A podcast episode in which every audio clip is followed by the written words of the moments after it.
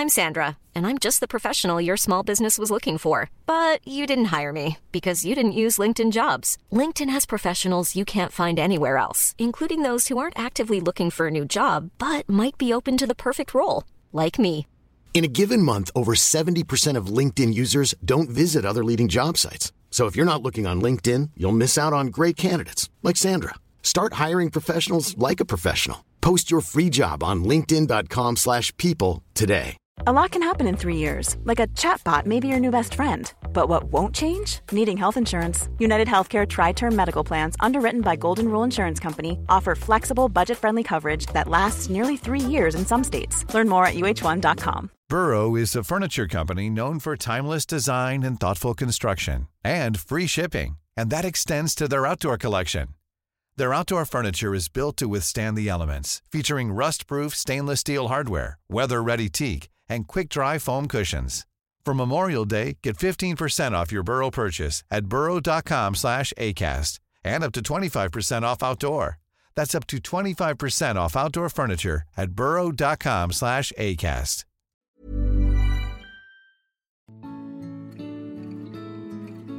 Välkommen tillbaka till podcasten Utan dig med mig Alexandra. Och med mig Emelie.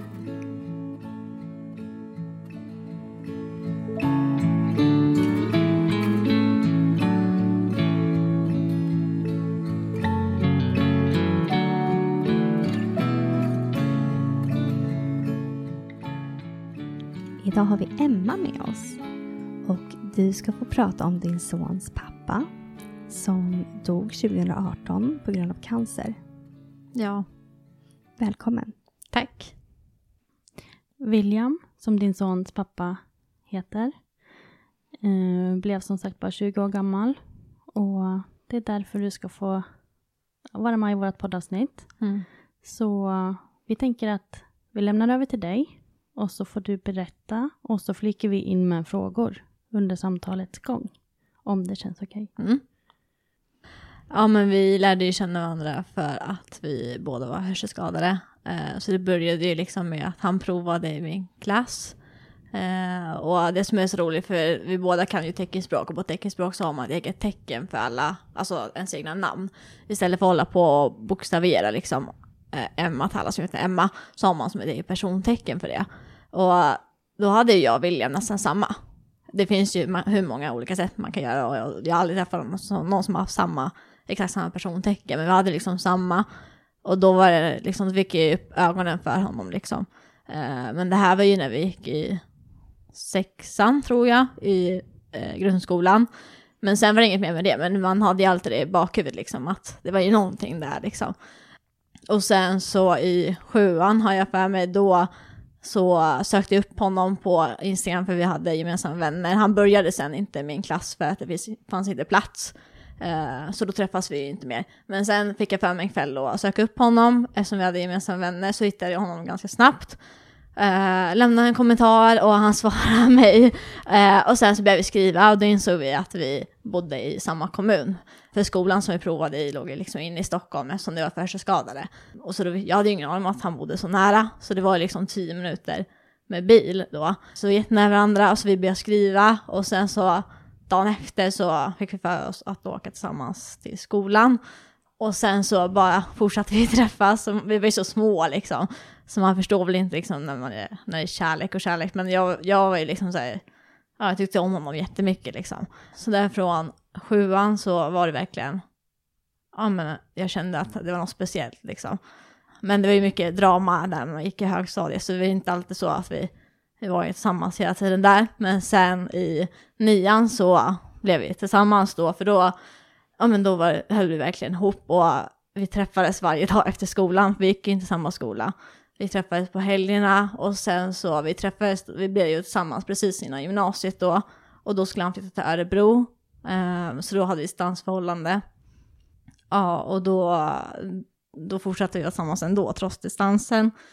Eh, så vi hade distansförhållande då i ett år och sen så blev jag oplanerat gravid med Love. Och jag har ju aldrig velat ha barn, eller alltså jag har inte varit så här, jag vill vara ung mamma, eller jag har inte tänkt tanken att jag skulle skaffa en familj eller så liksom.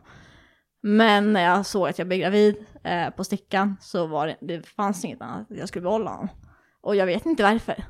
Eh, det var bara, ja men jag skulle, jag, alltså innan hade jag ju aldrig tänkt att jag skulle ha barn, men där var det, jag måste, jag skulle fullfölja graviditeten liksom. Och så vi, vi gjorde ju det där liksom, och jag var 17 år och, och han var 18 liksom, vi var jätteunga och jag hade typ aldrig hållit i en bebis. Eh, jag har inga små, eller så yngre syskon har jag inte, de är bara några år yngre liksom. Så jag har ju knappt träffat yngre barn, men eh, det var bara som att ja, vi skulle ha Love liksom. Utan att jag visste varför. Nu efterhand så förstår jag att det var menat. Det känns, jag kallade allt det för vårt, vårt lilla mirakel. Så tänk, alltså då, då, jag bara gjorde det liksom, jag visste inte varför liksom. Men nu efterhand så är det liksom, ja men han var ju vårt mirakel liksom, var menat att vi skulle få Love. Mm. Ja men hade vi inte haft Love så hade jag inte kanske tagit mig igenom sorgen om vi inte hade haft honom efterhand. Men hur var det att berätta för era familjer och vänner? Ja men alla blev ju chockade. Dels eftersom jag inte skulle ha barn, eller jag var inte någon som längtade efter barn liksom. Och vi var så unga, eh, vi gick i tvåan i gymnasiet. Uh, och alla tänkte, ja men ni måste ju gå färdigt gymnasiet och ni ska inte ha barn än. Och ja, men det var mycket att alla andra tänkte och tyckte vad vi skulle göra. Men jag följde bara min magkänsla utan att reflektera varför. Men för mig var det liksom inget annat, jag, jag ska göra det här liksom. Jag följde bara magkänslan och ja men då, då får jag ändra på livet för att eh, lilla Love ska få komma till oss då. Visste ni att det var en pojke? Ja, vi fick reda, reda, på det då på resinultraljudet. Mm. Men sen när eh, Love föddes, mm. bodde ni tillsammans då eller hur? Ja, vi flyttade ihop då eh, under graviditeten. Flyttade ihop. Då flyttade jag då till Örebro där han gick i skolan för att han skulle gå färdigt gymnasiet då. Ja, så då bodde vi där ett år. Ja, så då flyttade vi till egen lägenhet. Han hade ingen egen lägenhet när, när han gick i skolan där. Det var en så här kollektiv liksom.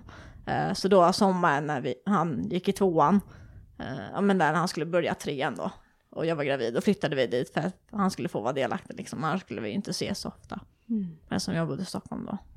Just det. Men sen så bestämde ni er för att inte vara tillsammans längre? Ja, det var ungefär när Lo var ett år. Um, så tänkte vi att vi, ja, man är ung liksom och vi hade lärt, eller liksom växt med varandra och det hade varit så mycket drama i högstadiet och allting. Så vi behövde ju bara liksom läka oss själva på varsitt håll typ. Och då gjorde jag ju slut. Men det var inte tanken att vi aldrig skulle bli tillsammans igen och det var han medveten om också. Uh, han, jag sa ju till han och han sa ju till mig att vi kommer alltid vara varandras livskärlek liksom. Och det var ju liksom, vi skulle bara, det var som en paus kan man säga liksom. För jag hade, jag kunde inte se mig själv gifta mig eller skaffa fler barn med någon annan. Så kunde jag inte göra. Men flyttade du hem igen då? Nej, då, ja men vi bodde då i Örebro i ett år. Eh, sen när han då tog studenten i trean flyttade vi till Nynäshamn tillsammans. Eh, eftersom jag skulle ta studenten då i Stockholm. Och då, då skulle jag ju fortsätta mina studier och han skulle vara pappaledig med Love. Så då bodde vi tillsammans i vår andra lägenhet. Eh, men sen när vi gjorde slut då då, det var ju liksom eh, i december. Så då flyttade han hem eh, och jag fick ha kvar lägenheten eftersom Love gick på förskola där. Och jag skulle ha honom då. Mm.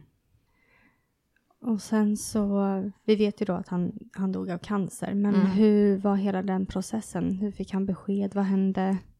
Alltså, han har ju sedan innan haft någon tarmsjukdom, så han är ju, jag minns inte nu vad han heter, men han har ju alltid haft lite problem med magen typ. Och han har ju haft regelbunden kontakt med läkare för det och så. Eh, och sen så var det då i början på januari som han var hemma hos mig och Love och sa liksom så här, han hade väldigt, mådde inte bra liksom. Vi, alltså vi var ju fortfarande vi var jättebra vänner fast vi hade gjort slut liksom.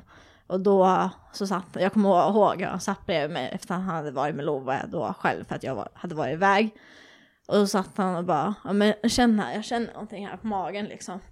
Och då kändes det liksom som en knöl och det är ofta då på tecken på cancer. Men då hade han ju inte sökt vård än eftersom han brukar ju annars också ha problem med magen liksom. Och då sa jag liksom, nu får vi söka vård direkt alltså, eftersom du inte mår bra. Och då, sen dagen efter så sökte han vård. Men det tog jättelång tid innan de liksom förstod vad det var. Först så sa de bara att det var en vanlig tumör. Och sen dröjde det tre dagar tror jag innan de sa att det var cancer. Så det var väldigt det tog lång tid innan läkarna gav beslut liksom. Berättade han det för dig direkt då? Eller? Ja, han skrev till mig hela tiden. Jag kommer ihåg, jag satt i skolan eh, på lektionen och jag, jag var alltid så här, men man får inte ha telefonen då. Men helt plötsligt fick jag någon känsla, bara skulle kolla telefonen och det brukar jag inte göra annars. Och då hade han skrivit att han hade fått cancer och läkaren sa att det var eh, obotlig cancer. Så. Och han skrev det till dig på sms? Ja, för vi, vi, alltså han bodde på norra sidan av Stockholm då och jag bodde på södra sidan eller vad det blir. Eh, så vi träffades ju inte jätteofta då. Och då så, vi pratade inte på telefon heller så då skrev han ju det. Mm. Men hur var det att få det beskedet? Vad tänkte du då? Ja, men alltså, jag var ju så ung också så man förstår ju inte riktigt vad det innebär då. Och det pratas inte så mycket om heller och jag har ju inte känt någon som haft cancer heller. Eh, så jag förstod det inte. Men sen så när, när lektionen var slut så sa jag att mina kompisar bara var jag fått sms och det var så här. Men det, var, det är så här folk, de klappar mig lite så här på ryggen och kramar om mig. Men jag förstod ju inte liksom vad det innebär. Förrän jag kom hem och bröt ihop typ. Eh, ringde min kompis och kom hem till mig och var med mig. Och berättade för familjen och så. Men jag var ju fortfarande ganska ensam i lägenheten då. Varje dag efter skolan och var jätteledsen men jag förstod ju knappt vad det innebar liksom. För mm, alltså, jag visste ju inte vad cancer var förrän då liksom. När man var tvungen att lära sig lite grann. Mm. Och vad sa William eh, sen då? Nej men det gick ju väldigt snabbt. Eh, jag kommer inte ihåg exakt nu.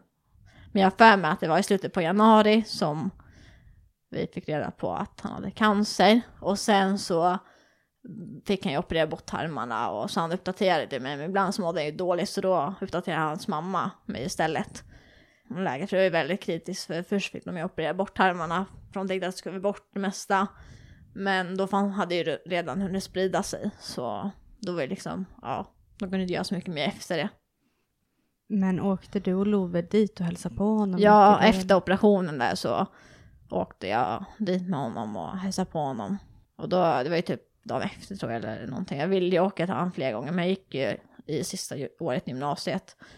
Och jag förstod ju som sagt inte hur allvarligt det var. Jag hade gjort så mycket annorlunda om jag hade förstått liksom. Eh, men då åkte vi några gånger efter skolan i alla fall. Mm.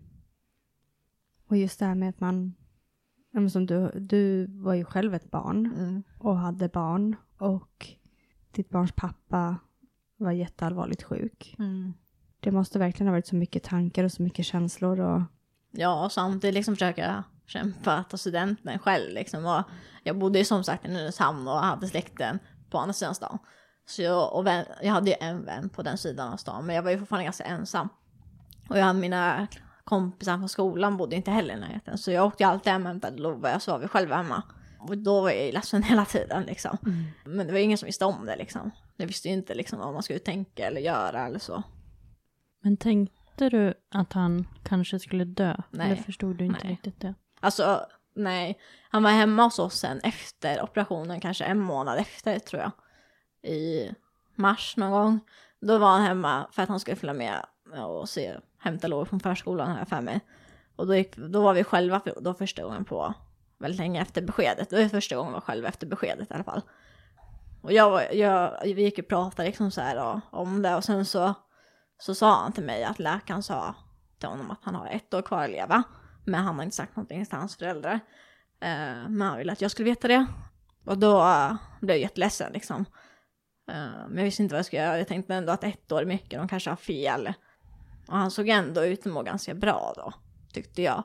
Visst, det var jobbigt efter operationen, men han, annars så såg han ju ut att vara som han var innan liksom. Mm. Sa han någonting om hur han tänkte med Love och så? Nej, inte alls. Alltså ingen av oss hann ju förstå, så det, det han vi inte alls prata om överhuvudtaget. Han inte göra det. Det var ju typ däremot sista gången vi träffades eh, hemma hos honom, har jag för mig, då sa han bara att han vet att Lova alltid kommer ha det bra hos mig. Men annars har vi inte pratat någonting om det. Men pratade du någonting med eh, hans mamma och sådär också? Då? Ja, men alltså vi pratade aldrig om livet efter gjorde vi inte. Hade du önskat att ni hade ja, gjort det mer? alltså hade jag förstått att det var, för läkarna sa ju då ett år liksom. Eh, så då tänkte man ju ändå att ja, men vi har ett år liksom och började prata om det typ. Men samtidigt förstod jag inte att han skulle dö då, även då. Men sen så i maj tror jag så sa de att han har ungefär ett halvår kvar att leva. Eh, men då blev, då, det var ju precis innan min student liksom. Uh, och sen dagen efter studenten hade jag fått ett jätteroligt jobb som jag alltid ville ha, så då började jag jobba. För att han var ju bara hemma då, det var inte så mycket som hände liksom, utan att han var sjuk liksom. Så jag började jobba och alla pressade ändå på mig liksom, ah, man ska börja jobba efter man tagit studenten och jag är barn liksom och typ så. Så jag började jobba liksom. Och sen så, jag jobbade inte så länge, jag jobbade en vecka kanske, eller något. Innan jag, för då träffade jag ju, Love var ju hos William då, några gånger när jag jobbade. Och då träffade jag honom och kände jag bara, såg hur han blev sjuk varje gång jag träffade honom. Så då sa jag upp mig. Eh, eller jag sa upp mig också för det var krångliga tider, men till större del var det för att jag ville vara hemma den sommaren, ifall det skulle vara den sista sommaren någonsin liksom. Så då sa jag upp mig och liksom tänkte, ja men då, jag sa det till honom också att jag sa hell, hellre upp mig och inte jobba alls i sommar och är med dig liksom, än att jobba. Även fast vissa andra sa att jag måste jobba, för jag har ju barn, måste ta hand om liksom. Och jag, då bodde vi hemma hos min mamma, för vi flyttade hem då. Uh, I februari flyttade vi hem till mamma, för jag kunde inte bo själv i den lägenheten till slut för att det var hög hyra. Så då bodde vi i alla fall hemma hos mamma, så då var det liksom, de ville att, att jag skulle skaffa jobb för att kunna komma därifrån liksom. Men jag, jag kände i mig att jag skulle inte jobba, att jag sa upp mig och sen så eh, såg jag bara på liksom, han blev mer och mer sjukare. Och när var det sen som han dog? Vi träffades ju en gång vid midsommar och då var det typ sista gången vi träffades innan han gick bort. Och det var också väldigt fint ändå att vi träffades då för annars hade jag inte tänkt att jag skulle göra det. Eftersom vi inte var tillsammans liksom. Men jag kände igen att han var så sjuk liksom. Så då ville jag vara där. Det var också jobbigt. Man såg då att han var sjuk. Och det såg man ju inte kanske i mars, februari när jag träffat honom mycket liksom.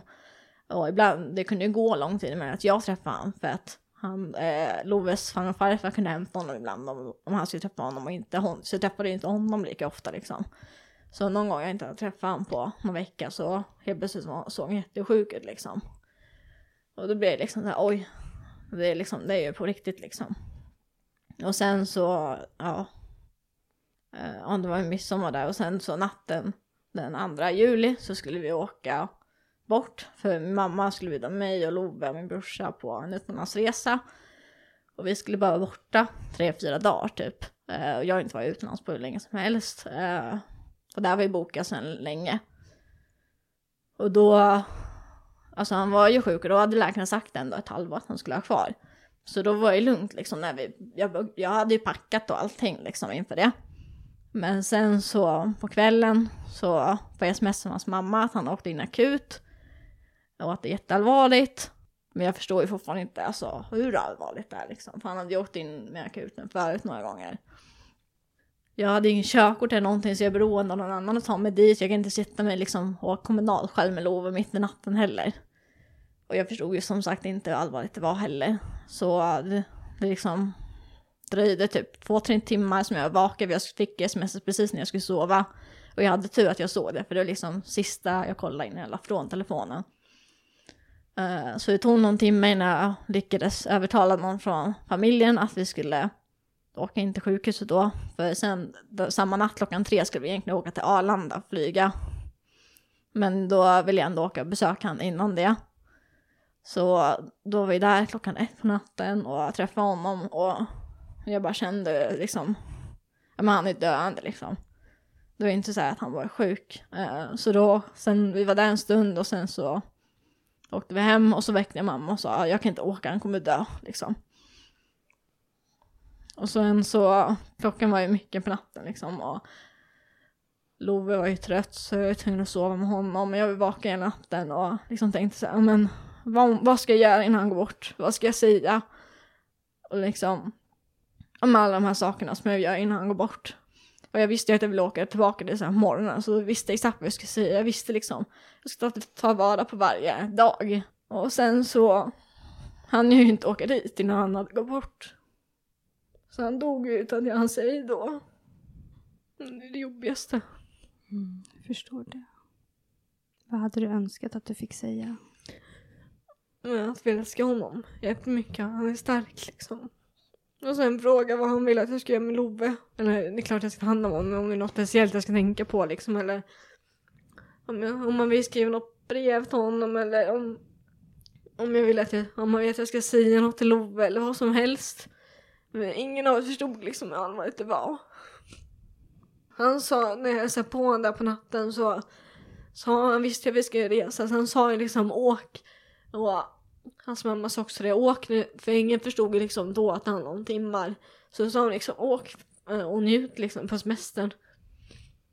Men sen så när jag kom hem så, så insåg jag liksom, jag kommer inte åka, jag tänkte åka någonstans liksom. Det är ju inte, det känns inte bra liksom. Och hela tiden har jag bara följt magkänslan så har jag lett mig ändå till bra beslut men ja. Jag önskar ju att jag förstod liksom då och på en gång liksom att hur allvarligt var det. Hade jag, visste jag så hade jag ju bara stannat där, jag hade ju inte åkt hem liksom. Mm. Hur fick du reda på att han hade dött? Nej men vi satt hemma, jag och Love satt ju hemma och väntade på att de skulle köra oss in till sjukhuset igen på morgonen. Och jag sa ju liksom att vi skulle bara äta frukost så kommer jag. Men då innan min morfar skulle hämta mig hade jag fått ett sms. Då skrev hans mamma att han hade somnat. Och då skrev jag Somna som var då. Och då så skrev hon typ så här, han hade somnat in nu. Och då kommer jag ihåg liksom så här, ska jag säga någonting? För min bonuspappa var hemma och eh, min bonusbror också var hemma. Min mamma och min brorsa hade åkt på resan då på morgonen. Så min morfar skulle komma och hämta oss. Och jag bara, ska jag säga något nu eller ska jag bara säga att han är död nu eller vadå? Men sen så, ja morfar kom sen typ en kvart senare för jag bara, jag grät ju inte någonting, jag förstod ju liksom inte. Morfar kom ju sen efter en kvart typ och då sa jag, när morfar var bonuspappa där så sa jag bara, men han, det är för sent liksom. Så jag. Men vi åkte ju dit ändå för, ja. Säga hejdå fast han inte levde liksom. Då var Love ett och Ett halvt. Han fick ju följa med ändå. Pratade han på något sätt som att, att pappa var Nej, alltså han förstod ju inte. Det var samma när vi besökte på sjukhuset innan. Han lekte ju bara med honom liksom och gick runt, hade nyligen lärt sig gå, han förstod ju ingenting liksom. När vi satt där, men när vi kom tillbaka till sjukhuset då på morgonen när han inte levde så, ja men han bara satt där, vi satt ju allihopa runt honom liksom. Han satt ju i min famn och bara pratade med allihopa liksom och rörde honom och så. Vad fint att han fick vara med på det. Ja, för mig fanns det inget annat liksom. Det är klart han ska vara med. Jag vet att många kanske tycker att det är fel liksom eller så, men för mig är det klart han ska vara med. Mm, det håller jag med om. Hur var det att se William när han inte levde längre? Men alltså jag, då förstod jag inte heller det. Det är ju liksom, det pratas ju så lite om döden, cancer, allt det här, så jag förstod ju inte vad det faktiskt innebar. Det är ju kanske först nu, typ, efterhand. Eh, Men alltså jag, jag kunde ju knappt gråta när jag var där. Och det tyckte jag var jättejobbigt för alla andra var ju ledsna. Jag förstod ju inte liksom. Jag tyckte, för mig var det också som inte träffades så ofta från typ mars när han var så sjuk. Man började se att han var sjuk. Då var det som att den William som var frisk levde. Men när William som var sjuk dog liksom. Det var ju som två olika liksom. Så jag hade jättesvårt att koppla att det var faktiskt han som var samma, alltså så, samma person liksom. Så jag förstod ju liksom inte det när jag var där eller någonting. Jag var ju liksom ledsen men inte så mycket att, jag grät inte så mycket då. Fick du något stöd efteråt? Nej, alltså folk har ju sagt att jag, jag kan ju gå och prata med någon liksom, men jag har ju gått och pratat hos eh, kurator tidigare innan han fick cancer och allt det där, men då har jag inte känt att jag har kunnat prata liksom och då har det gett mig mer att jag blir blyg och mått dåligt bara, så jag har inte velat gå och prata med någon, så jag har inte fått någon direkt stöd, har jag inte gjort, mer än av hans familj då, ska jag säga. Mest, eller jag fick ju, när han gick bort fick jag ju bo hos mormor och morfar som var jättesnälla och hjälpte till med Love och allting. Men alltså annars så är det inte så jättemycket stöd skulle jag säga. För jag kan tänka mig att man lätt eh, glöms bort eller hamnar mellan stolarna när man är ung till exempel. Ja. Eh, och eftersom att ni inte var tillsammans. Men ni har ju fortfarande barn tillsammans. Mm. Så att det känns som att man kanske glöms Ja, det, alltså, han var ju som min bästa vän också. Vi hade liksom växt upp och varit tonåringar tillsammans så det är mycket liksom att växa under ton, tonåringen tillsammans också. Uh, så det var ju liksom, aha, ja men det var som att förlora en bästa vän också. Mm. Det hade jag gjort, det, alltså även om vi hade gjort det för länge sedan eller, eller om han bara hade varit en kompis jag hade kontakt med, det hade varit samma grej liksom. För att han var ju viktig för mig. Mm. Och då att tänka på allt det här som ni nu inte kommer få tillsammans. Mm. Den här bilden som du tänkte att Ja, Vi alltså det typ- jobbigaste är väl att jag trodde vi hade mer tid tillsammans liksom. Det fick vi ju sen inte liksom. Vi hade ju bara, ja, för kort tid tillsammans. mm. Och sen att han bara fick vara med och sen låg växa upp i ett och ett halvt år. Mm. Ja, för att nu har ju du en föräldraroll där du är ensam Mm. eh, förälder Mm. till Love. Ja, jag började- jag var ju, visst vi bodde tillsammans, men jag plötsligt var jag ensam. Jag skulle ta alla beslut själv. Liksom alltifrån vilken förskola han ska börja på eller om det händer något när han är äldre, om, han, om det ska bli en allvarlig operation eller någonting. Jag, allt ansvar ligger på mig. Mm. Liksom, jag ska ju ha allt rätt, jag har ingen att prata med om det liksom. Eh, eller en annan som har lika mycket ansvar som kan, man kan bolla med liksom, eller vad som helst. Precis.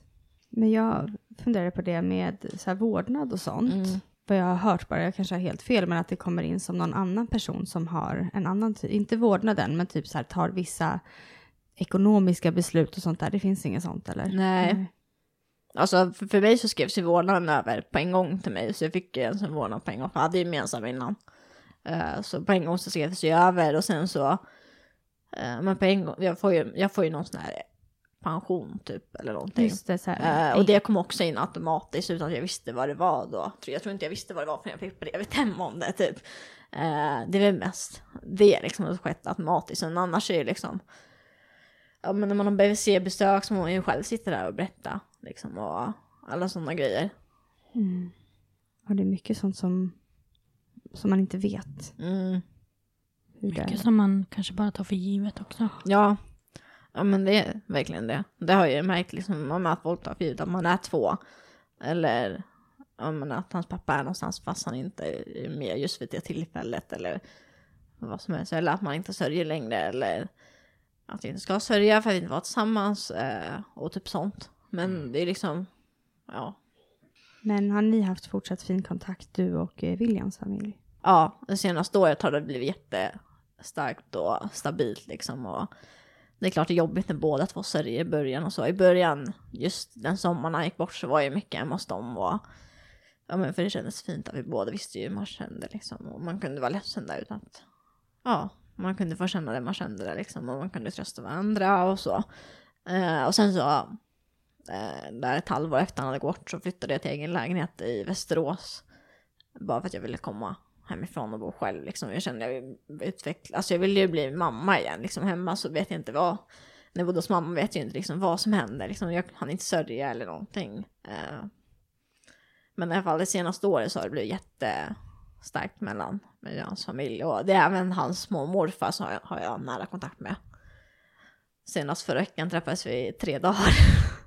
Så ja, men de är, de är jätte, jätte, jag är jättetacksam att jag har dem i alla fall. Ja. Och att ni på något sätt kan dela William Mm. tillsammans. Ja men det gör vi. Vi, vi firar ju faktiskt William på hans födelsedag. Och så tillsammans. Och ja, men det är mycket till ja, men vad alla runt om känner när man vill fira tillsammans och inte. Men vi pratar sig om liksom och åker till graven tillsammans och liksom allt sånt där. Och Love fyllde i år nu förra månaden. Fick han ju ett litet halsband som var Williams gamla. Och då hade de fixat lite kort där det stod från pappa. Och det tyckte jag var jättegulligt. Och det var ingenting jag hade alls tänkt liksom. Eh, Men det var supergulligt. Och sen fick jag blomma från dem också. För de ville gratta mig för att jag var mamma i fem år liksom. Så verkligen så här, de hade tänkt på alla små grejer. Jag, inte, jag blev jätteöverraskad. Jag brukar inte bli det så ofta. Så jag blev jätteglad. Ja, Ja. Vad fint. Mm, jättefint. Men tycker du att eh, Love är lik William? Ja. Alltså vissa stunder kan det kännas som att det är William i Love. När han pratar eller busar eller kollar på mig. Så känns det som det verkligen är honom i. Alltså även fast jag vet att det är Love liksom. men Som att han, som att William har gått in i Love några sekunder typ. Eller så. Det är jättesvårt att förklara. Men vissa stunder känns det verkligen som att han är i Love. Bara för att säga hej typ och sen så försvinner han igen typ. Men hur har det varit, liksom när du, de stunder när du är ledsen? Mm. Alltså typ ledsen på sånt vis att du grinar. Mm. Har eh, Love frågat då? Ja, alltså. Men i början var han ju så liten liksom. Då kramade han ju väl mest och så. Men nu är han ju så stor. Han är ju fem år. Och alltså, det är inte så ofta som jag är ledsen nu framför honom. Men om jag är det så är det ju okej. Och då går han ju fram till mig och typ säger, mamma ledsen och kramar mig och säger, ja Lova älskar dig och Nala älskar dig, våran hund heter Nala då. Och ja, men han är jätteomtänksam. Jätteomtänksam och bryr sig liksom. Och, och, man bryr sig liksom, kommer och klappar och pussar och kommer liksom och bryr sig jättemycket nu. Eh, så det är jättefint att se liksom. Han ser ju en om man är ledsen och visar att han bryr sig om den då. Mm. Och brukar han vara ledsen för att han saknar pappa eller så? Nej, han, alltså jag upplever inte att han förstår det än. Men ibland på senaste veckor så har han liksom pratat om om en pappa i himlen eller för några veckor sedan berättade han helt plötsligt bara, men han, då sa han att jag hade tagit bild på när äh, han och pappa hade åkt rutschkana. Och det var länge sedan och han var en liten bebis då sa han. Och då berättade han det. Jag, jag vet inte om det är på riktigt eller om han bara hittar på liksom. Men då berättade han det. Det var första gången jag berättade någon, någon grej där pappa helt plötsligt kom in i bilden liksom. Så det var jättefint. Och då var jag ute när han sa det. Så då sa jag liksom, "Ja, men, men pappa är ju uppe i himlen, han är inte här. Han bara, ja pappa är långt borta. Och ibland kan han liksom säga så här, "Ja, men, men jag vill vara med pappa så här. Men det kommer ju mer nu de senaste månaderna har jag märkt liksom.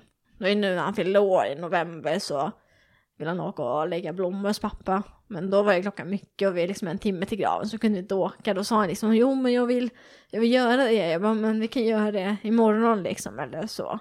Så ibland så kommer det liksom på eget initiativ från hans håll. Jag tror att det kommer komma mer med tiden liksom. Nu när skolan börjar snart och alla andra har sin pappa där. Då kommer han ju undra men vad är min pappa? Och, typ så. och då kommer jag absolut prata om det liksom. Och, och liksom möta honom där. Men känns det jobbigt att, att behöva bemöta det? Alltså det kanske blir liksom som att sorgen börjar om eller någonting. Eftersom han inte har varit ledsen över det. Jag har ingen aning om hur han kommer reagera när han faktiskt förstår det. Men jag kommer ju, alltså det kommer vara jättejobbigt att säga han ledsen. Men jag kommer ju alltid göra allt för att finnas där för honom. Kommer jag, jag vill ju alltid att han känner att han kan vända sig till mig. Mm. Men om du hamnar i sådana tillfällen eller situationer där du möter andra personer som inte vet vart Loves pappa är, vad brukar du säga då? Alltså det har inte varit så många som har frågat djupt. Utan då har det bara varit lite snabbt så här. Då har jag sagt, ja men han lever inte. Eller om de undrar, ja men vad har hänt? Jag bara, han gick bort i cancer för några år sedan. Men det brukar inte vara så mycket mer än så som folk frågar. Eh, oftast faktiskt. Upplever du att folk typ blir lite rädda då och inte vågar Ja. fråga? Alltså det är jätteofta som folk bara, oj beklagar. Och sen så är det inte så mycket mer med det. Eh, och det är lite konstigt ändå tycker jag.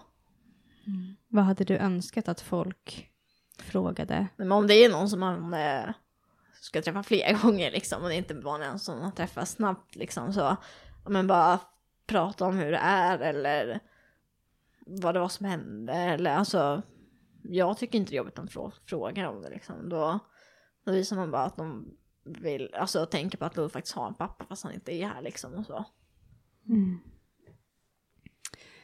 Men hur har det varit för dig att hitta kärleken igen? För det måste ha varit jättesvårt när du hade kanske en bild av att vi ska bli tillsammans om kanske ett år eller så. Och så vart det ju inte så. Nej. Men det är svårt. Man måste ju acceptera att han kommer inte komma tillbaka. Så då försöker jag tänka, man kan känna olika kärlek till alla personer liksom. Precis som man känner olika kärlek för alla sina barn, fast man älskar ju dem alla liksom. Eh, jag känner ju olika kärlek till Love och för Nala eh, och så. Och sen försöker jag tänka liksom, jag måste ju leva här nu och vi, vi har faktiskt både jag och William har pratat en gång om döden. Det är någon vi kollar på film tillsammans om. Jag kommer inte ihåg vad det var för film, men då var det någon film där den ena från paret hade gått bort. Och då började vi prata om, det här var ju flera år innan, i alla fall något år innan eh, han fick cancer, för Love fanns inte ens då. Så då sa han liksom, men du måste hitta någon ny, du får ju inte bara deppa, sönder, alltså, deppa sönder över mig och hålla kvar mig om jag skulle gå bort innan dig. Jag bara, nej men det kan jag ju inte göra, jag, måste, alltså, jag kan ju inte bara gå vidare och träffa någon ny då liksom, sa jag ju. Ehm, men han sa liksom, du, du får försöka gå vidare då liksom, sa han minns jag. Så jag har ju försökt tänka på det liksom, men samtidigt är det så, jag, måste, jag har ju lärt mig av det där, jag måste ju leva i nuet liksom. Och samtidigt så älskar jag ju kärleken, men det är ju jättesvårt. Det är Och man måste ju träffa rätt som förstår det där. Eh, att, att jag alltid kommer ha speciell kärlek för honom fast han inte lever. Och liksom inte bli avundsjuk för det, eller så, för han lever ju inte. Men han kommer ju alltid vara Lovis pappa, han kommer alltid vara den jag var tillsammans med i flera år, liksom min bästa vän och allting. Man kommer alltid sörja för det och så. Så det är jättespeciellt. Är det. Ja, jag kan tänka mig. Mm.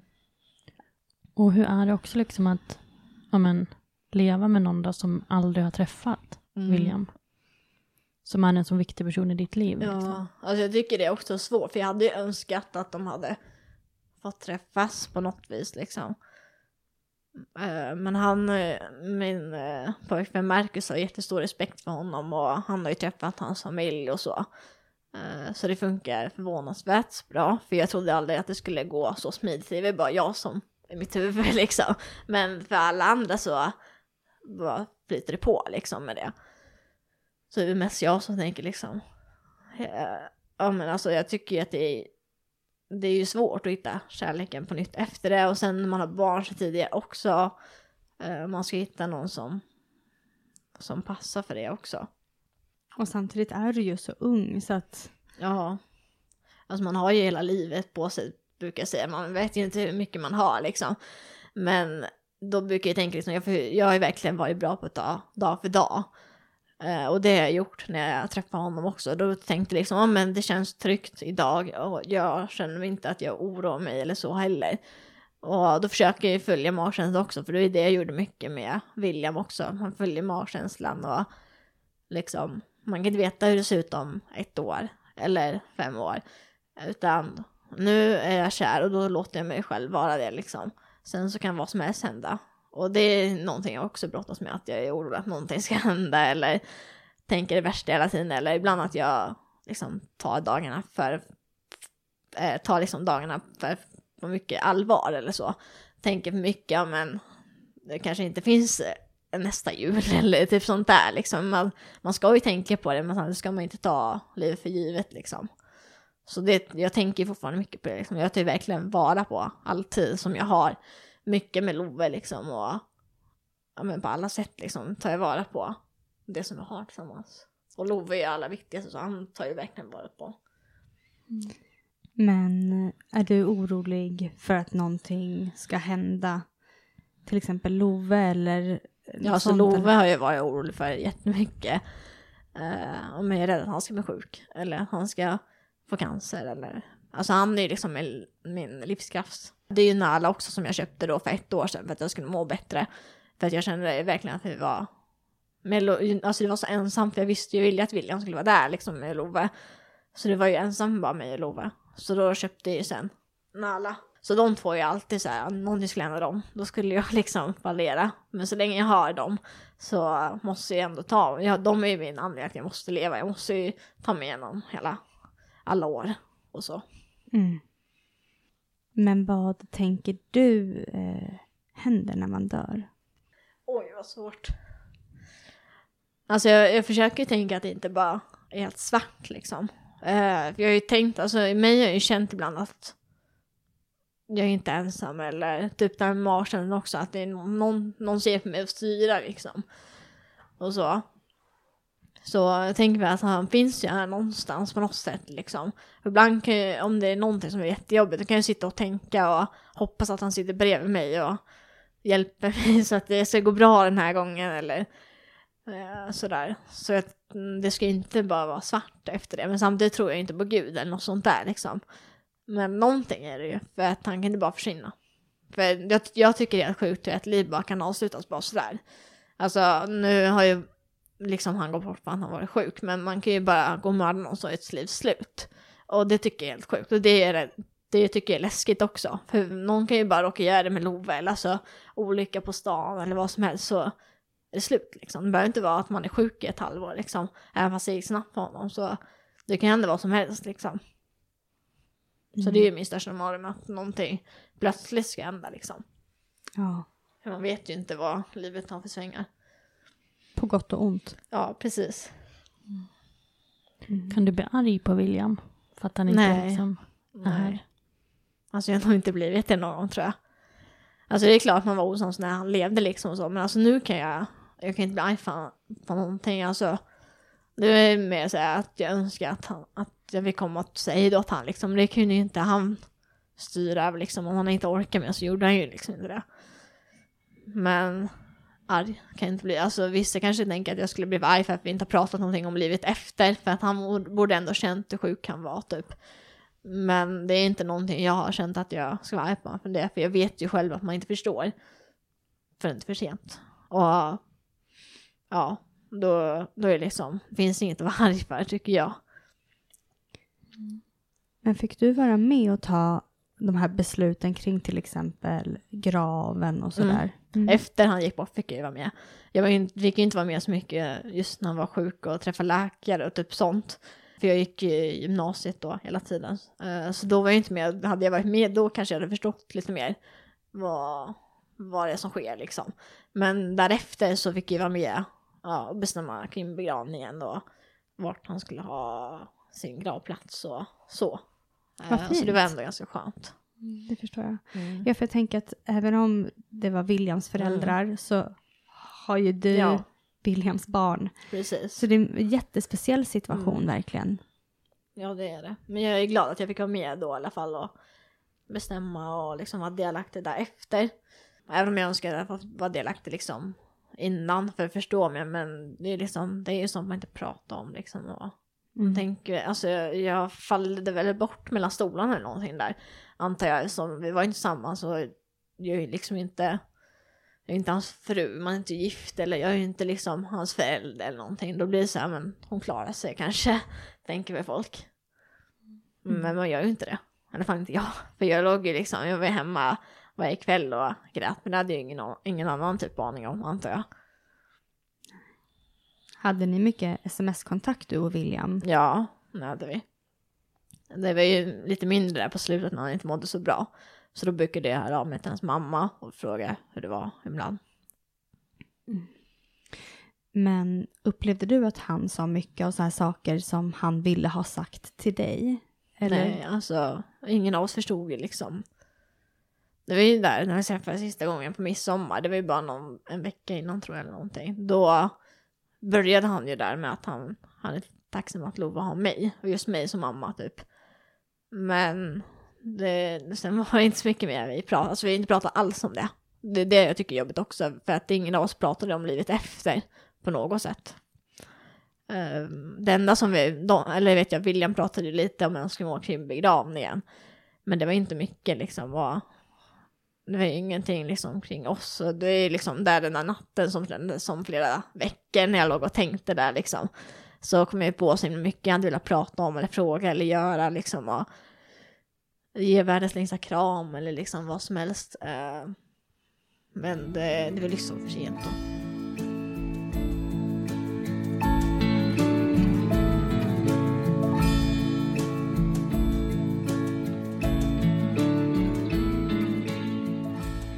Men har du någon gång känt att du ångrade att ni gjorde slut?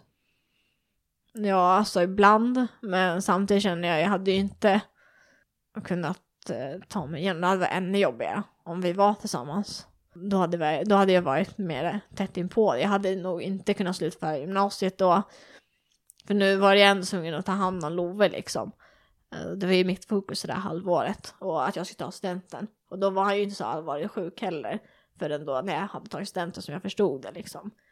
Men Alltså ibland kan jag ju göra det, men jag hade ju varit mer förkrossad efteråt tror jag.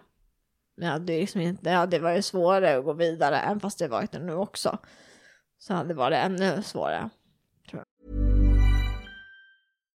Here's a cool fact a crocodile can't stick out its tongue.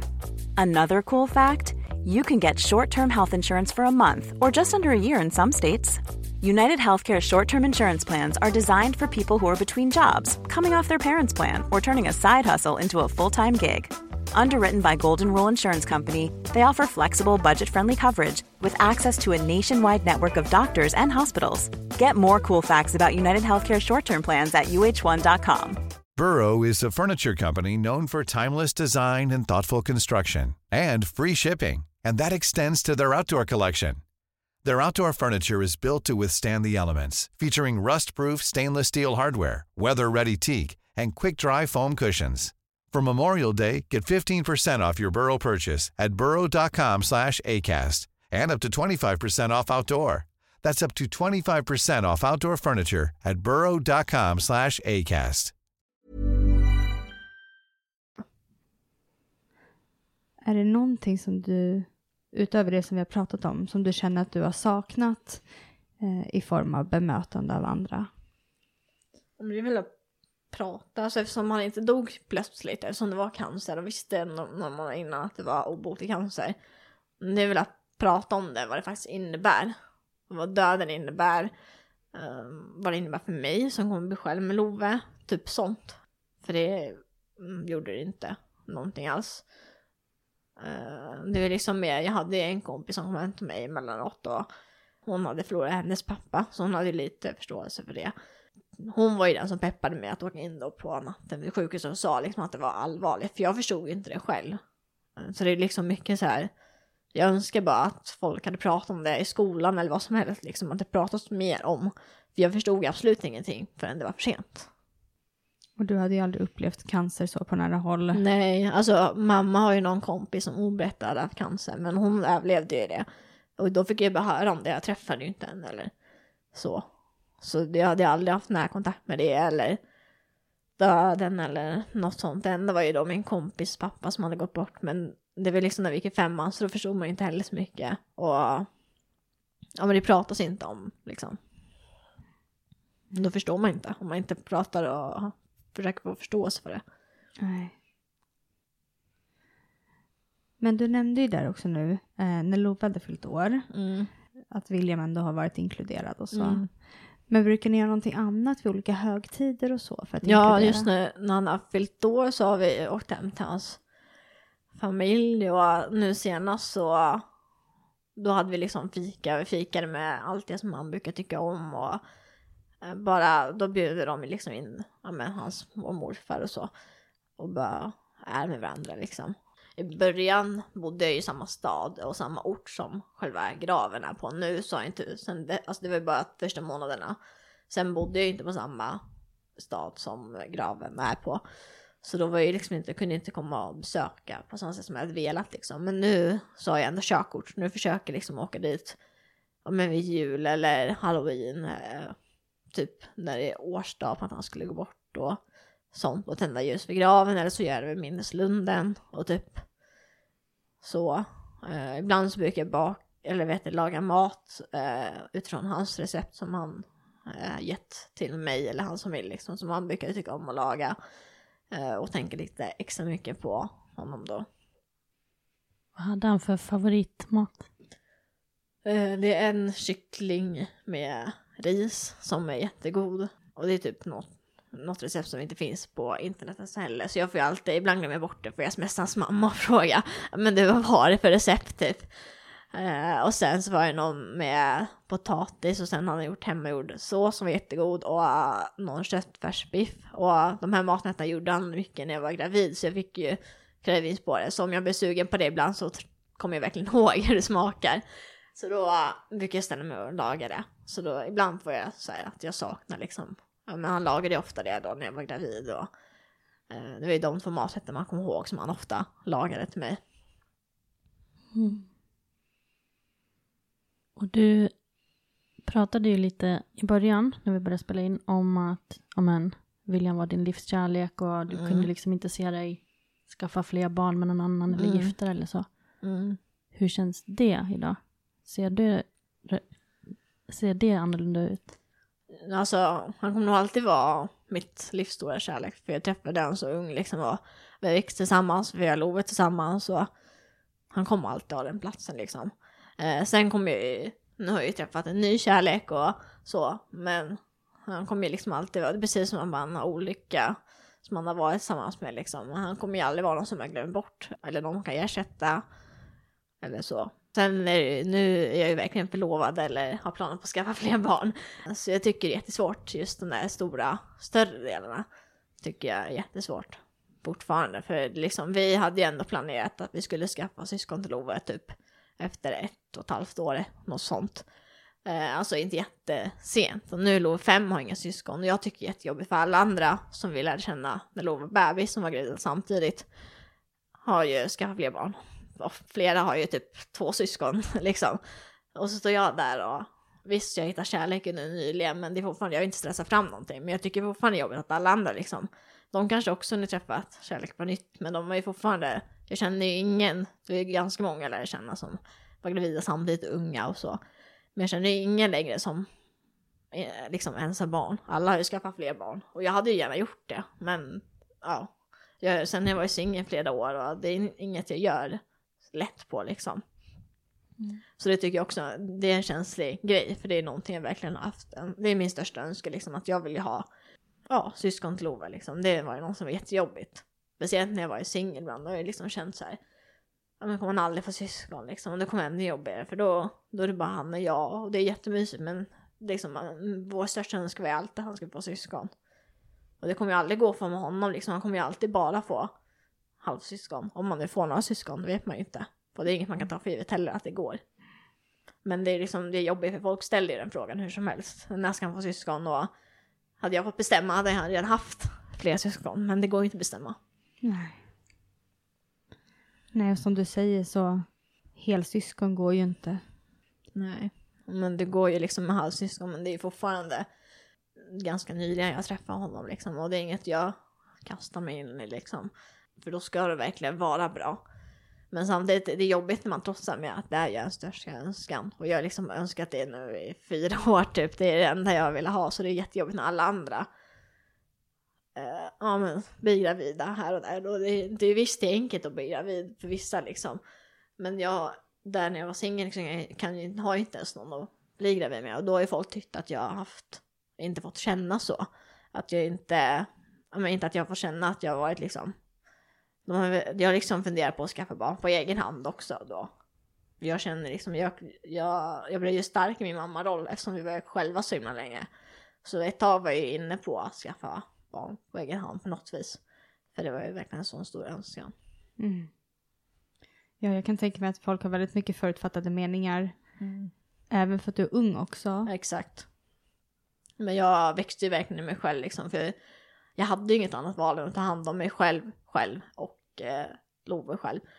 Det var liksom där när William var sjuk, då var det ju bara jag och Love. Och jag, det var ju, jag, visst, jag fick besöka min kompis ibland.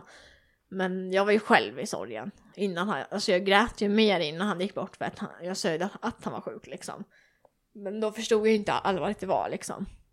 Jag var ju tvungen att vara själv i allt.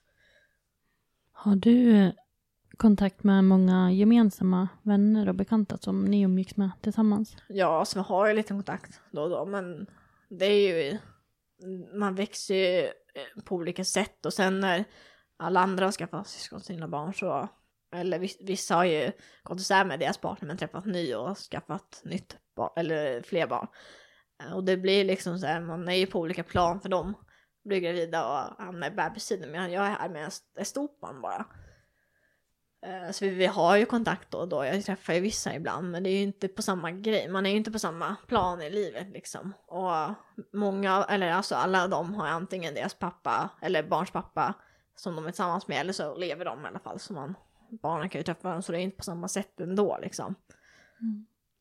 Tycker du att det är jobbigt att träffa dem? Nej, alltså det är inte jobbigt inte. Det är mest där, men att det känns som att alla andra hinner skaffa hundra barn emellan liksom. Och jag har ingen aning om det ens kommer hända att Lovi får syskon liksom. Det, det var det. Vi hade ju planer på när vi skulle försöka till Lovi, men det var ju liksom. Uh, han fick ju cancer sen och allt det där liksom. Så ja. Mm. Men har du kunnat träffa någon annan som har förlorat sin partner tidigt också? Nej, det tror jag inte att jag har. Det är inget jag kommer på. Nej, alltså det är ju inte vanligt men jag tänker det kanske hade varit skönt att kunna Ja. prata med någon som... Ja, och sen eftersom som jag är ung också, det finns ju säkert mammor som är äldre som kanske har förlorat eh, sitt barns pappa eller så. Men jag tror inte jag har träffat någon, om jag frågar. Men jag tror inte det. Men det hade ju varit om man ju fått eh, gemenskap i det. Mm. Jag tänker du är ju ganska stor, alltså många följare på Instagram och Mm. sådär. Är det många som hör av sig till dig där och liksom pratar med dig om deras förluster Mm. och så? Ja, så det var ju många gånger alltifrån efter de har gått bort eller om det är någon som precis har fått besked att eh, någon de känner har fått cancer. Det är till exempel en familj som jag fotade för något år sedan. Eh, de hade eh, förlorat deras bebis. Så då fotade jag dem, eh, ja men det var mamma och pappa och sen eh, deras syskon som levde och sen bebisen i himlen som fick vara med i form av ett fotografi bredvid.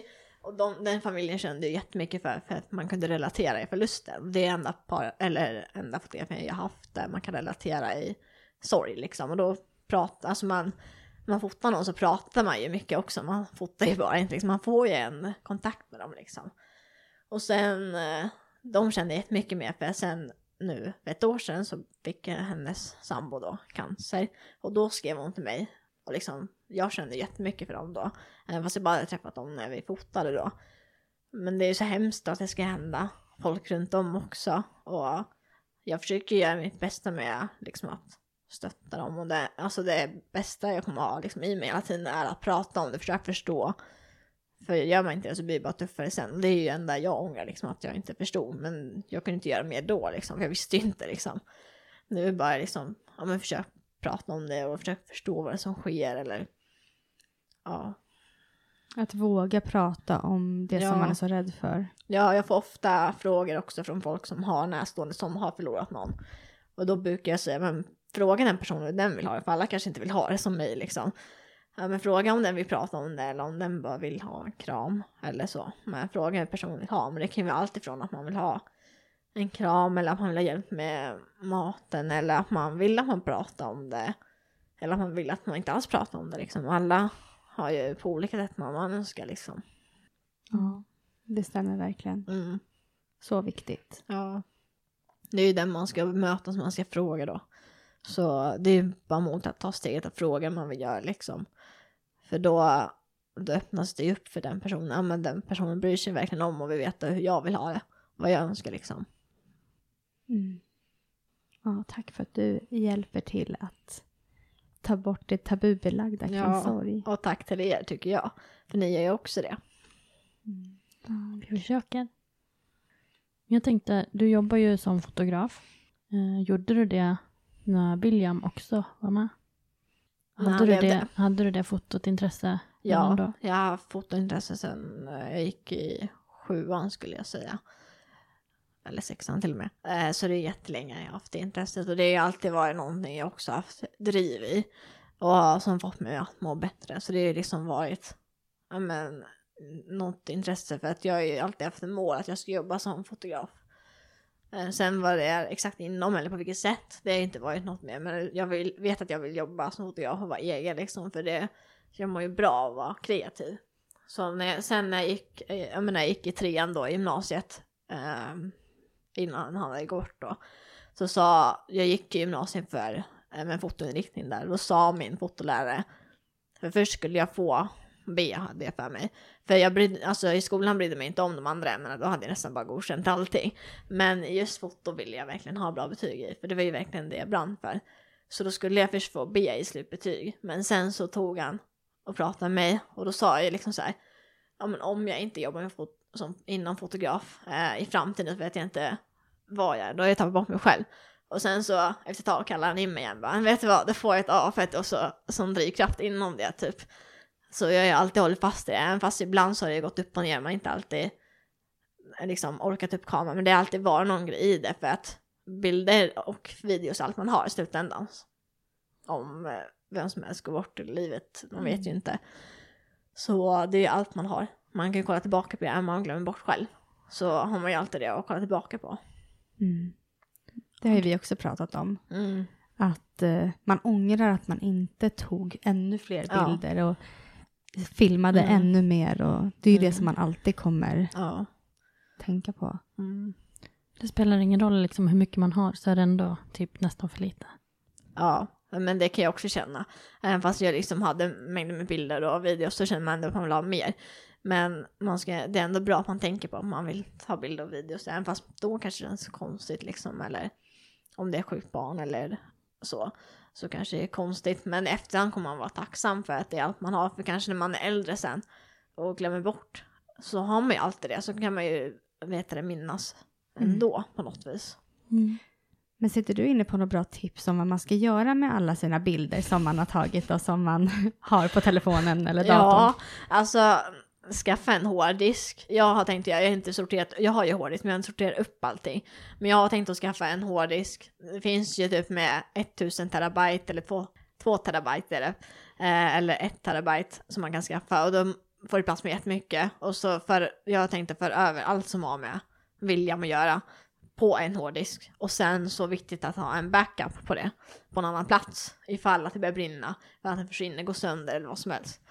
Eh, Så jag försöker i alla fall, jag ska ju fixa det, men nu har jag i alla fall försökt ha lite, de viktigaste bilderna på lite olika ställen ifall att någonting försvinner eller går sönder eller någonting. Eh, Man vet ju inte liksom, och då, eller skriva ut lite som har bilder också. Har du mycket eh, bilder framkallade och så hemma? Hemma har jag inte framkallat så mycket faktiskt, det är mer att jag sitter och kollar på telefonen. Sen så har jag tyckt varit lite jobbigt ibland att kolla tillbaka, för då inser jag ju liksom att det är min verklighet och det är inte bara en mardröm liksom. Som jag har känt ibland när man har drömt och tror att man ska vakna upp ur mardrömmen. Men jag har ju många bilder som jag kollar tillbaka på liksom och visar Love ibland. Jag har något fotoalbum med honom och ska fixa något nytt också så. Nu när han är äldre så han ska förstå mer också. Mm. Mm.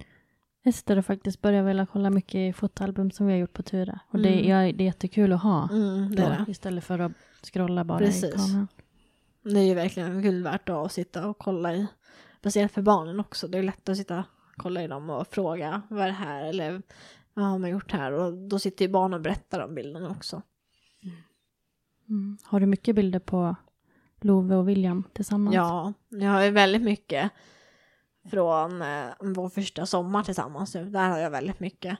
Men sen har jag inte så mycket från det där halvåret när han var sjuk. Och då önskar jag att jag tog lite mer bilder för det är det som är så suddigt. För att jag minns ju inte så mycket då liksom. Så jag har ju några enstaka som betyder jättemycket. Jag har någon video när Love precis lärt sig gå och vi har besökt honom då efter han hade opererat sig. Opererat bort tarmarna då. Då skulle han visa pappa stolt att han precis hade lärt sig gå. Det var första gången han fick se det då. Eh, så där är någon video. Sen är jag no någon bild från midsommar där när han var eh, sjuk då. Eller man ser att han är sjuk liksom. Och sen så har jag någon bild när vi säger hej då till honom på dödsbädden som jag bara min kompis då också. Men när jag kollar på honom liksom har jag jättesvårt att koppla ihop liksom att det är för det är fortfarande ibland så här, det känns som att det är friska William som liksom lever någonstans, men inte här liksom. Och den sjuka William förstår ju att den är död för att jag såg ju han liksom vara där. Men jag är jättesvårt att koppla ihop att samma person. Eftersom det gick så snabbt och jag inte träffade han då på någon vecka så jag precis såg han ut sådär liksom. Vad hände med den friska William liksom? Man kan ju inte prata nog om att det ska pratas om liksom. Eh, på alla sätt. För att annars förstår man inte. Och jag vill inte att andra ska hamna i den sitsen att de förstår när det är för sent, för det är hemskt. Det är liksom, ja, jag vet inte än idag om jag har bearbetat allting liksom. För att det är först nu när jag går igenom allting som man börjar förstå vad det innebar, vad det hänt när man hör andra gå igenom döden. Och man får vara utomstående till det och man förstår, okej det här är också min verklighet, det är inte bara en mardröm eller det är inte bara dem det drabbar, det har också drabbat mig. Ja, för ibland kan man faktiskt glömma bort det. Mm. Ja, vi såg att du var med på en jättefin begravning här nyligen också och fotade. Ja, och det, då erbjöd jag mig. För jag tänkte jättelänge, ska jag göra det eller inte? För det är ganska tabu att fota sörjande människor och så. Men sen så, jag tänkte bara, jag frågar bara, för att jag hade ju velat ha bilder och videos. Eh, så frågar jag bara om de skulle vilja ha fotograf så finns jag här, annars så är det helt okej om de säger att de inte vill ha det. Men hon blev jätteglad så då ställde jag upp. Och det är ju jättefint men det är jättesorgligt också. att se liksom alla andra sörja för Ilse och den där lilla kistan, att det är någon där i. Um, det är helt sjukt, så nu är man ju liksom mer medveten när man själv har gått igenom det också. Det är så himla orättvist, jag kände så mycket för dem. Det ska inte hända, man ska inte, alltså döden är så grym ibland när det sker från ingenstans. Och ja, då ville jag liksom ändå kunna finnas där på något sätt som jag kunde liksom. Och det är ju speciellt att fota eh, med folk som sörjer också, men de ville ju att jag skulle fota alla ögonblick som kommer. Eh, så då fick jag ju utmana mig själv liksom att verkligen göra det ändå. Och jag skulle bara uppfylla det som de själva ville. Och det blir jättefint när man kommer tillbaka på det. Det är ju tufft där och nu när jag har suttit hemma idag också, det sker lite. Så det är ju supertufft att kolla på det liksom, men det är ju samtidigt fint då för dem att kolla tillbaka på och se vilken gemenskap det var, hur många det var som fanns där för dem och brydde sig och alla kände ju med dem och verkligen gjorde det. Mm. Vi hade fotograf på våran, eller på Apostolis begravning. Mm. Det betyder jättemycket. Mm. Jag tror det är smart också för att man själv är väl inte riktigt i det stadiet att man kanske tänker på att ta Nej. så mycket bilder. Nej, man är inte, det känns som att man knappt är mm. närvarande mm. själv faktiskt. Jag gjorde inte ens det. Jag som fotograf liksom fotar allting. All, allt ifrån vad jag äter, liksom allt ska jag fota. Men jag har ju typ tre stycken bilder därifrån kanske. Mm. För jag tänkte inte alls på det liksom. Jag var ju så, just där, där vid, ja men där han gick bort också så var jag så mycket, jag hamnade i en bubbla utanför mig själv. Så det var som att jag såg mig själv i tredje perspektiv i flera veckor.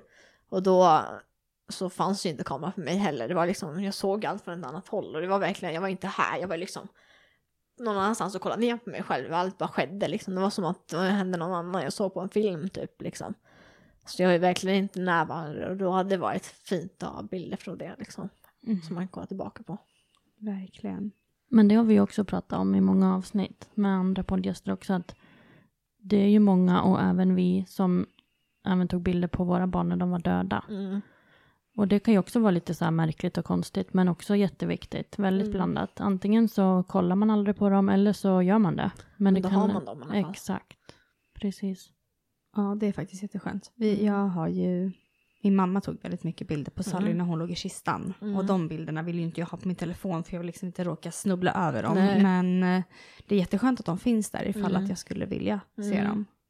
Vad fint. Mm. Så jag tänker det, de som lyssnar på det här avsnittet som kanske vet att de kommer förlora någon. Mm. Liksom Eller om man hamnar där och helt plötsligt då kommer på att man har lyssnat på det här någon gång. Mm. Så ta hellre för mycket än för lite mm. bilder. Ja men verkligen.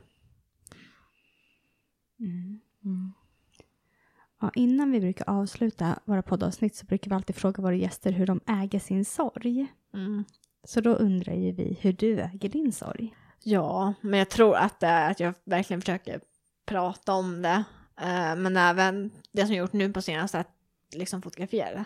Vad finnas där för andra liksom men det är verkligen jätteviktigt det här med att prata och liksom ta bilder och så. Men sen liksom det verkligen varit, man måste, ja men jag har verkligen börjat äga min sorg i form att visa för Love att det är okej att vara ledsen oavsett när det händer. Och det är okej att tycka, om han skulle bli arg över det, han får ju känna och tycka precis vad han vill. Och det är någonting jag försöker verkligen nu liksom med du får vara ledsen och sörja eller vara arg eller precis vad du vill. Så det tycker jag verkligen är viktigt. Så det har jag försökt med ända sedan han var ett och ett halvt fast han inte förstod någonting. Så det är liksom verkligen att han ska få känna precis som han vill. Och precis jag också. Som jag skulle bli ledsen när jag sitter på tunnelbanan så är det okej liksom. Mm. Vad viktigt. Mm. Jag kom på att jag glömde fråga en grej som vi pratade om i början. Ja. Det var när du berättade att du och William hade nästan samma tecken för ert ja. namn. Bestämmer man tecknet själv? Ja, gör mm. man. Man bestämmer ju själv och jag, en annan som jag kände förut gav mig mitt tecken för jag var inte så erfaren för att jag blev hörselskadad ganska sent. Så det är liksom någon annan som bestämde mitt tecken. Med hans tror jag också att det var hans mamma som bestämde det som han fick det när han var ganska liten. Eh, så vi hade ju det så långt innan så det känns ju väldigt mycket känns ödesbestämt typ att vi skulle träffa varandra. Och så, för jag la ju märke till han då för att vi hade samma persontecken annars hade jag kanske tänkt på det så mycket. Men jag tänkte på det flera gånger efter det här att det var, det var någonting, varför har vi samma persontecken typ. Mm. Skulle du vilja visa oss? Det här är Emma och sen William är här uppe. Så det är Mm. lite samma, om man gör snabbt liksom så är det ju typ samma. Så då gör man Emma så här och sen William här uppe då. Och han hade så här för att han hade lite djupare här mellan läpparna. Och en person gav mig det här för att hon tyckte att jag var liten och söt. Och det betyder liten och söt det här. Så det är olika innebörd men det är, våra gör på samma sätt. Eh, Så det är lite komiskt och sjukt att det är i princip samma om man gör snabbt. Ja. Åh, vad fint. Mm. Och alla som lyssnar har ju ingen aning om vad du visar. Men Nej. Emma var nere på hakan med fingret och William upp över läppen. Eller just era personliga då. Mm. Det har varit jättefint att få prata med dig Emma. Det har varit jättefint att få höra om William Mm. och om Love. Tack snälla. Tack själva.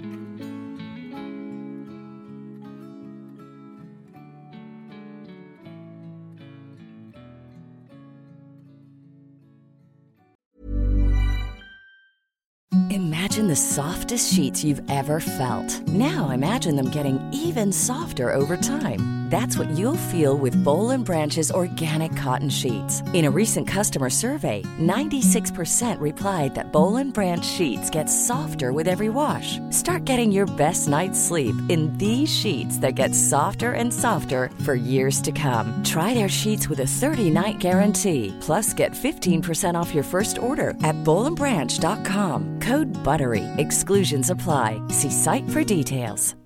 Hi, I'm Daniel, founder of Pretty Litter. Cats and cat owners deserve better than any old fashioned litter. That's why I teamed up with scientists and veterinarians to create Pretty Litter. Its innovative crystal formula has superior odor control and weighs up to 80% less than clay litter. Pretty Litter even monitors health by changing colors to help detect early signs of potential illness. It's the world's smartest kitty litter. Go to prettylitter.com and use code ACAST for 20% off your first order and a free cat toy. Terms and conditions apply. See site for details. Planning for your next trip? Elevate your travel style with Quince. Quince has all the jet setting essentials you'll want for your next getaway, like European linen, premium luggage options, buttery soft Italian leather bags, and so much more. And is all priced at 50 to 80% less than similar brands. Plus, Quince only works with factories that use safe and ethical manufacturing practices. Pack your bags with high-quality essentials you'll be wearing for vacations to come with Quince. Go to quince.com slash pack for free shipping and 365-day returns.